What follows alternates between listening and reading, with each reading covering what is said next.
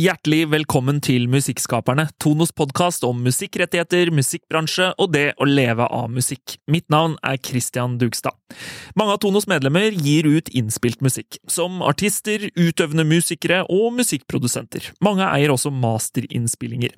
Da er det viktig å ha kunnskap om Gramo og rettighetene de forvalter, og om innspillingskodene ISRC som Gramo administrerer i Norge. Morten Møller fra Gramo er gjest i denne episoden av Musikkskaperne, hvor du får praktiske råd om dine utgivelser og rettighetene i innspilt musikk. Hjertelig velkommen, Morten Møller fra Gramo. Takk skal du ha. Du, er, du jobber med medlemsservice i Gramo, og så er du kontaktperson for ISRC, som er en, en kode og et tema vi skal komme inn på ganske straks. Ja. Og Det er derfor du er her i dag. Eh, men når vi først har noen fra Gramo på besøk, så tenker jeg at eh, vi, vi, må bruke litt tid på å tegne opp noen, eh, noen, skillelinjer og si litt om hva Gramo er. For vi vet at det er mange, både blant Tonos kunder og blant Tonos medlemmer og musikkbransjen for øvrig, som, som er litt usikre på og syns at skillelinjene mellom oss er litt fussy. Så hvis du kan begynne med å fortelle litt om Gramo. Hva er Gramo, og hva gjør dere? Gramo er på linje med Tono en organisasjon som krever inn det som heter vederlag fra folk som bruker musikk. Og Tono gjør jo det da for de som har komponert låtene og skrevet teksten. Gramo gjør det da for de som har spilt inn musikken som er komponert, og da gjør vi det innkrevingen på vegne av eh, de musikerne som er med og spiller og synger på sangen, på den ene side, og på den annen side dem som eier selve innspillingen, eller som har rettighetene til selve innspillingen. Det vil si at du går i et studio og spiller inn en sang, så er det jo noen som eh, betaler for å få denne innspilt, så i utgangspunktet så er det da de som har rettighetene til den innspillingen. Så to rettigheter vi krever inn for, utøvernes rettigheter og dem som har rettighetene til den innspilte låta. Ikke sant. Og, og vederlag, det på, på godt norsk. Det er jo det ordet vi også bruker, men, ja. men, det betyr rett og slett penger. Det er penger. Så alle steder i, i alminnelig offentlighet hvor det, hvor det, brukes innspilt musikk, der, der, krever dere inn penger. Og det er jo da særlig kundelokaler, eh, ja. treningssenter, kjøpesenter, mm. og, og, også da på radio. Ja. Det er de to områdene som Gramo krever inn eh, penger fra. Det er kringkasting, og det som dere kaller bakgrunnsmusikk, men som vi kaller uh, offentlig fremføring. Det er akkurat det samme.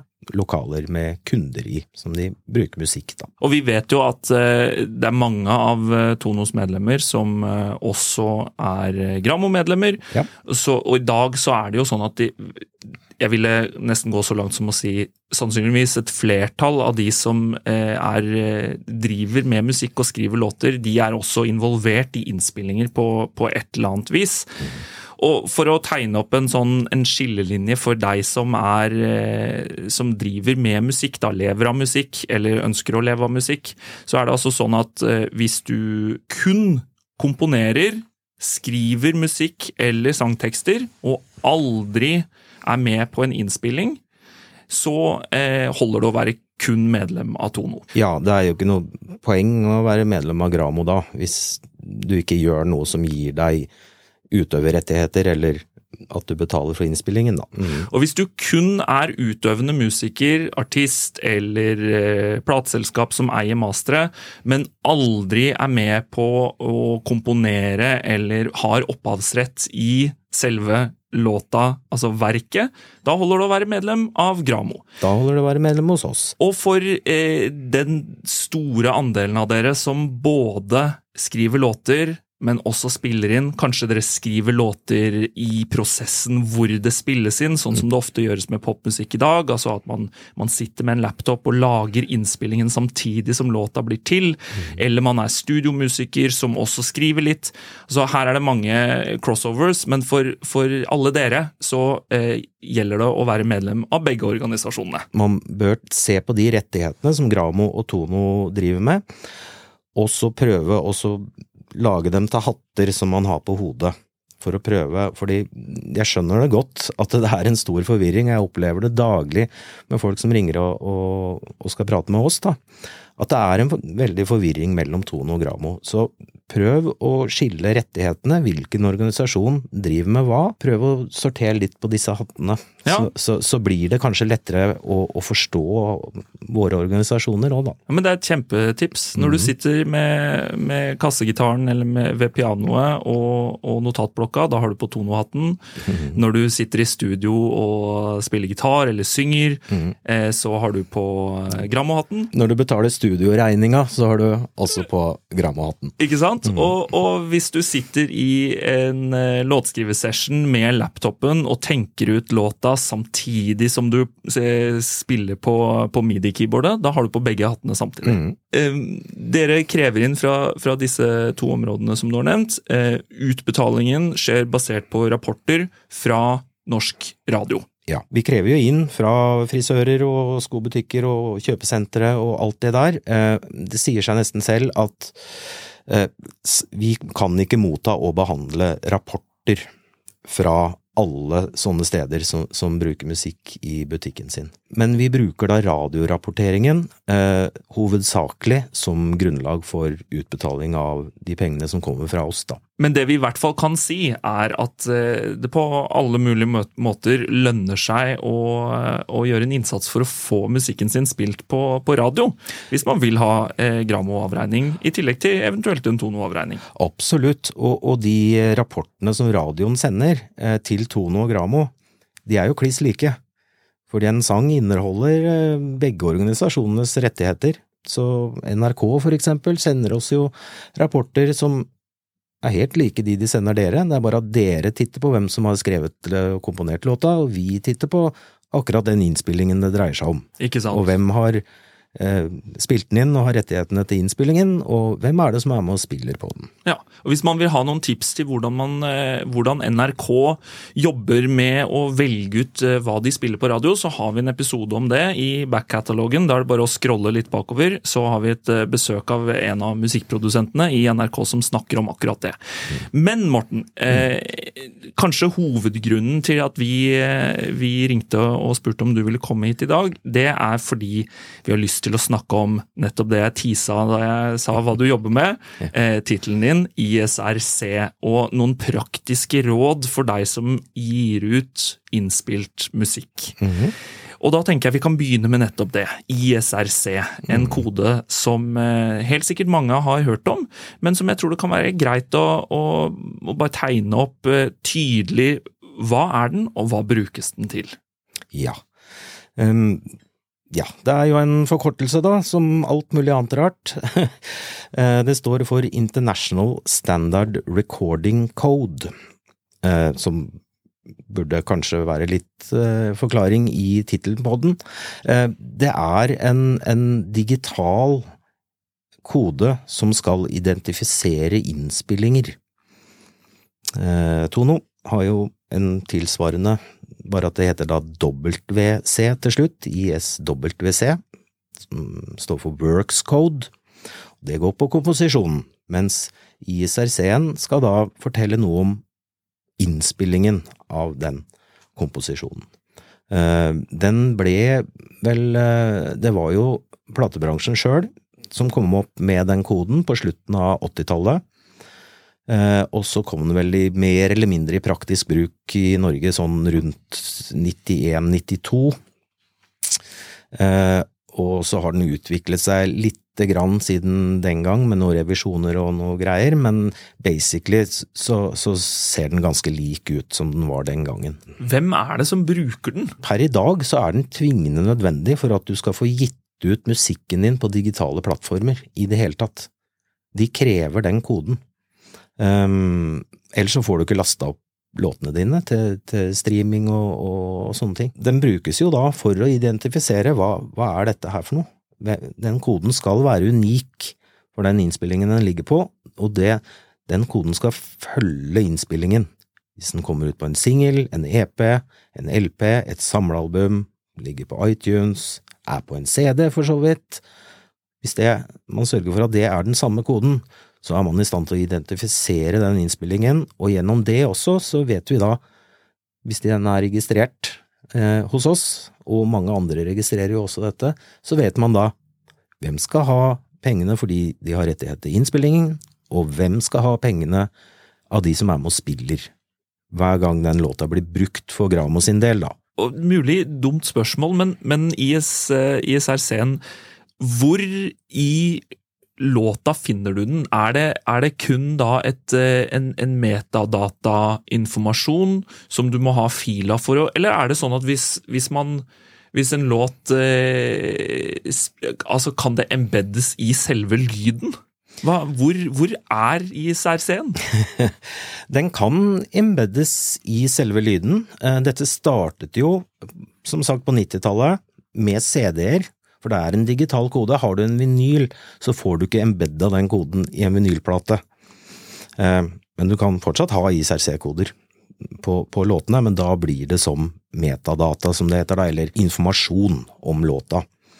Eh, men den kan embeddes eh, på CD, var jo der det starta, og så er det jo sånne tagger i digitale filer, og der er det et eget felt for, for ISRC. Så du kan legge den inn i en sånn informasjonstag som, som du har på MP3-filer, for eksempel. Og hvor i prosessen er det du, du gjør det? Altså si at du, du, er eh, DIY, da, som det er mange som er i dag. Mm. Do it yourself. Eh, du spiller inn hjemme i hjemmestudio, mm. og enten så mastrer du selv med en eller annen eh, masteringsplugin, ja. eller du sender det til en AI-tjeneste, eksempel. Det er under masteringen det, det skjer. Hvis man velger å legge på koden, for eksempel på en CD, eller på en digital fil.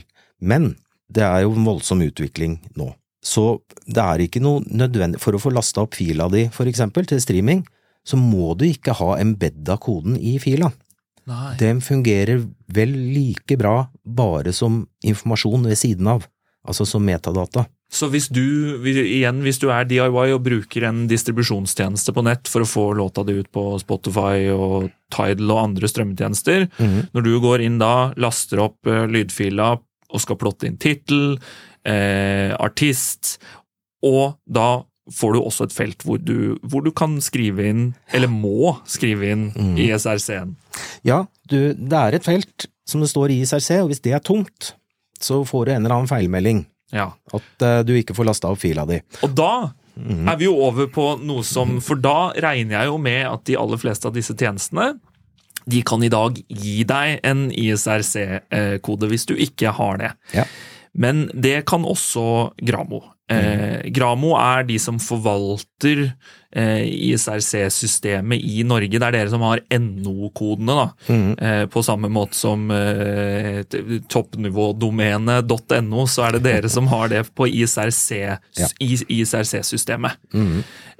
og, og alle disse kodene er jo skal vi si, fullgode. De gjør akkurat den samme jobben, enten mm. du får den fra CD-Baby, DistroKid eller, eller Gramo. Mm. Eh, forskjellen her er jo selvfølgelig at eh, hvis du skal få den fra en av disse andre tjenestene, så, så krever du at du eh, faktisk betaler for å få en utgivelse ut. Mm. Det kan det jo hende du skal uansett.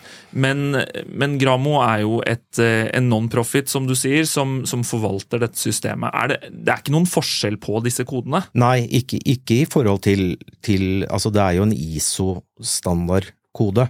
Så, så oppbygningen og, og, og, formen på den er, er, eh, Det er jo regler for hvordan den skal være, hvor mange tegn den skal inneholde, og hva den skal begynne med og ha i midten og slutte med. Og Dere har en veldig ja. fin oversikt over dette på nettsiden deres, ja, hvor, dere, hvor, dere, viser hva de første eh, bokstavene og tallene er, og hva de siste er. Hvis du skal ha en kode fra Gramo, så får du begynnelsen, altså de fem første tegnene i koden fra Gramo. Og det må man få fra Gramo, du kan ikke bare velge noe sjøl, for da kan det hende du bare lager noe som noen andre allerede har fått tildelt. Det er, det er liksom den hovedfunksjonen vi har, da, passe på den derre første delen av koden, registrantkode heter det. Så når du ringer oss og får en sånn kode, så er du en registrant av flere hele ISRC-koder. Så de fem første tegnene er det man får fra Gramo. Og så er det jo da et gitt system. Eh, som man får informasjon om når man får en kode fra oss, men hvordan du selv kan generere ISRC-koder, som er den fulle koden på tolv tegn.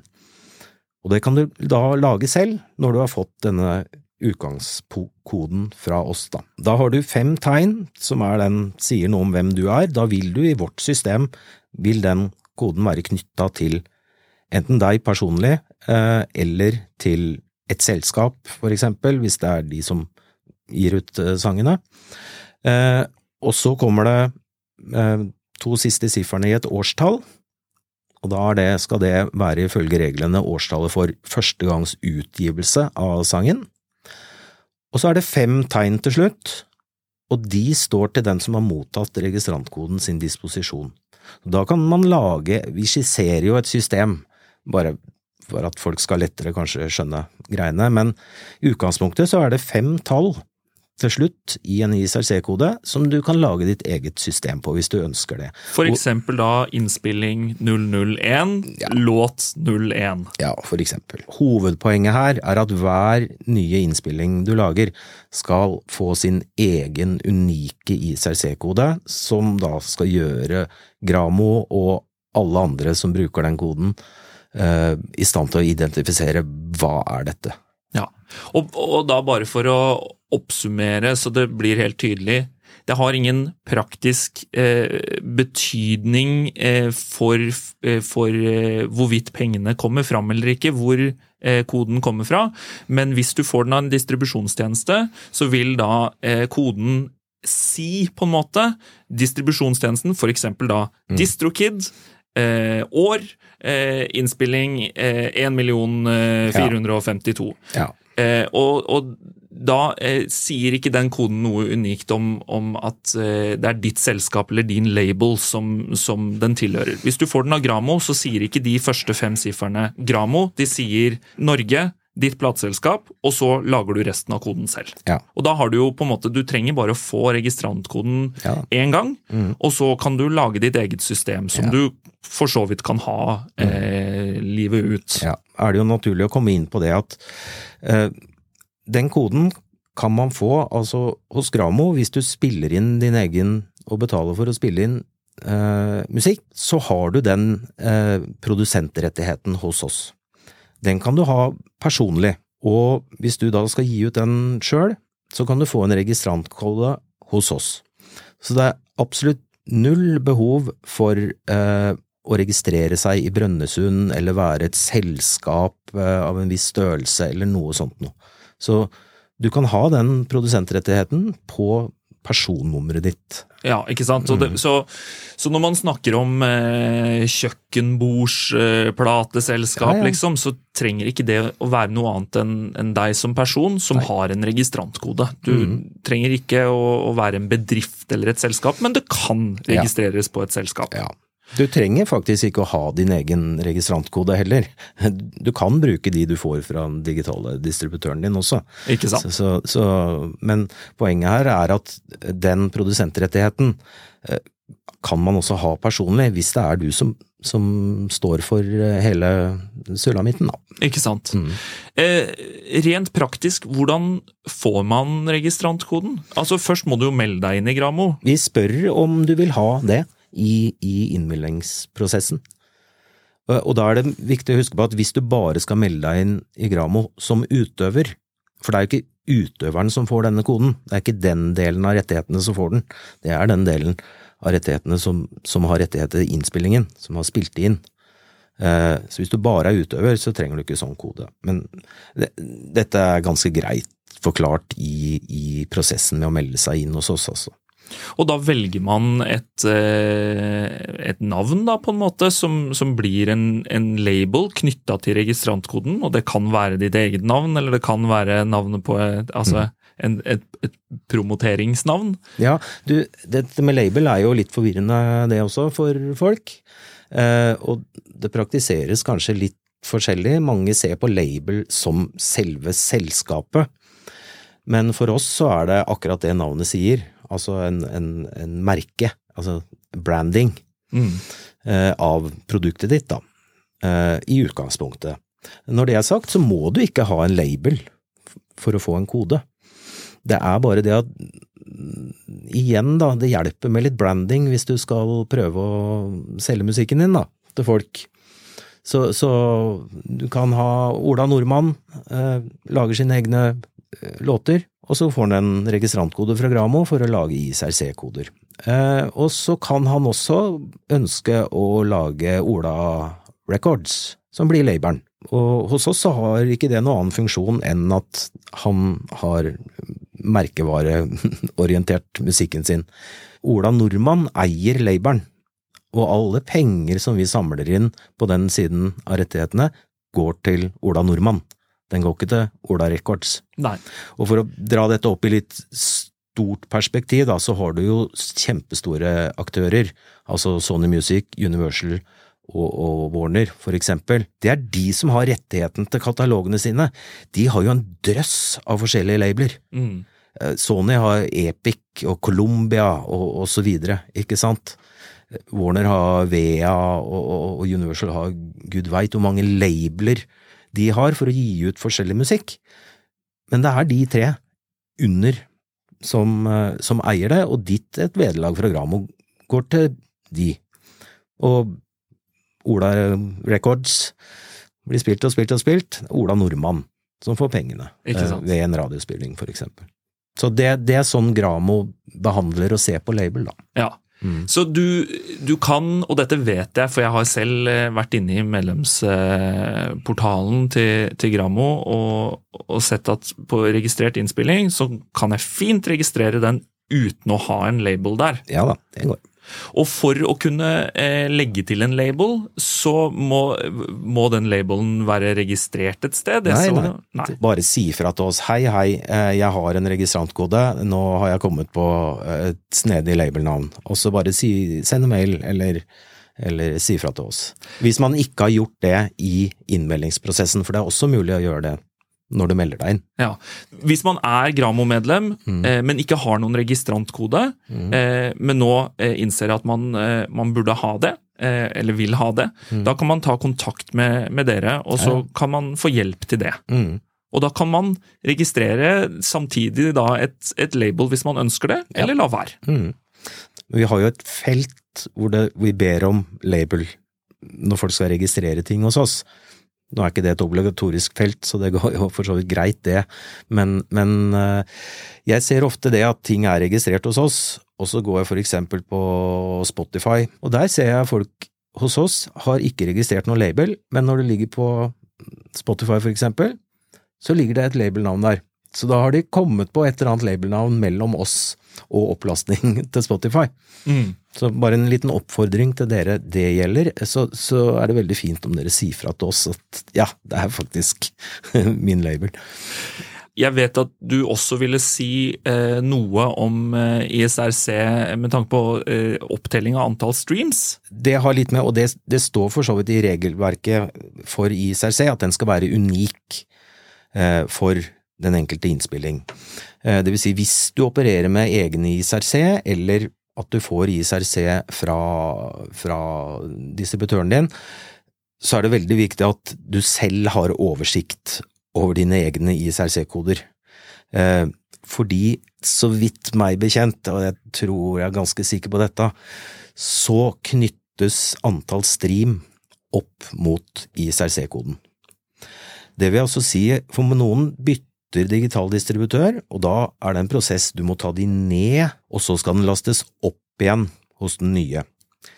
Underveis der opplever vi ofte at det kommer plutselig en ny, man lager en ny ICRC-kode når den skal opp igjen, men da starter det på nytt.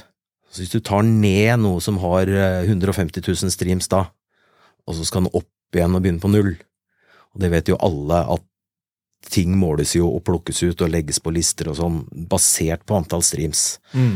Eh, så det er utrolig viktig at man da, selv om man da ikke har Kanskje man har fått sin egen kode i mellomtiden, og så ønsker man å laste den opp med sin nye kode, i stedet for å bruke den du fikk fra CD Baby en gang i tiden. Så er ikke det smart, og det er heller ikke regelverket. Har en innspilling fått en kode første gang, så skal den koden følge innspillingen på den veien.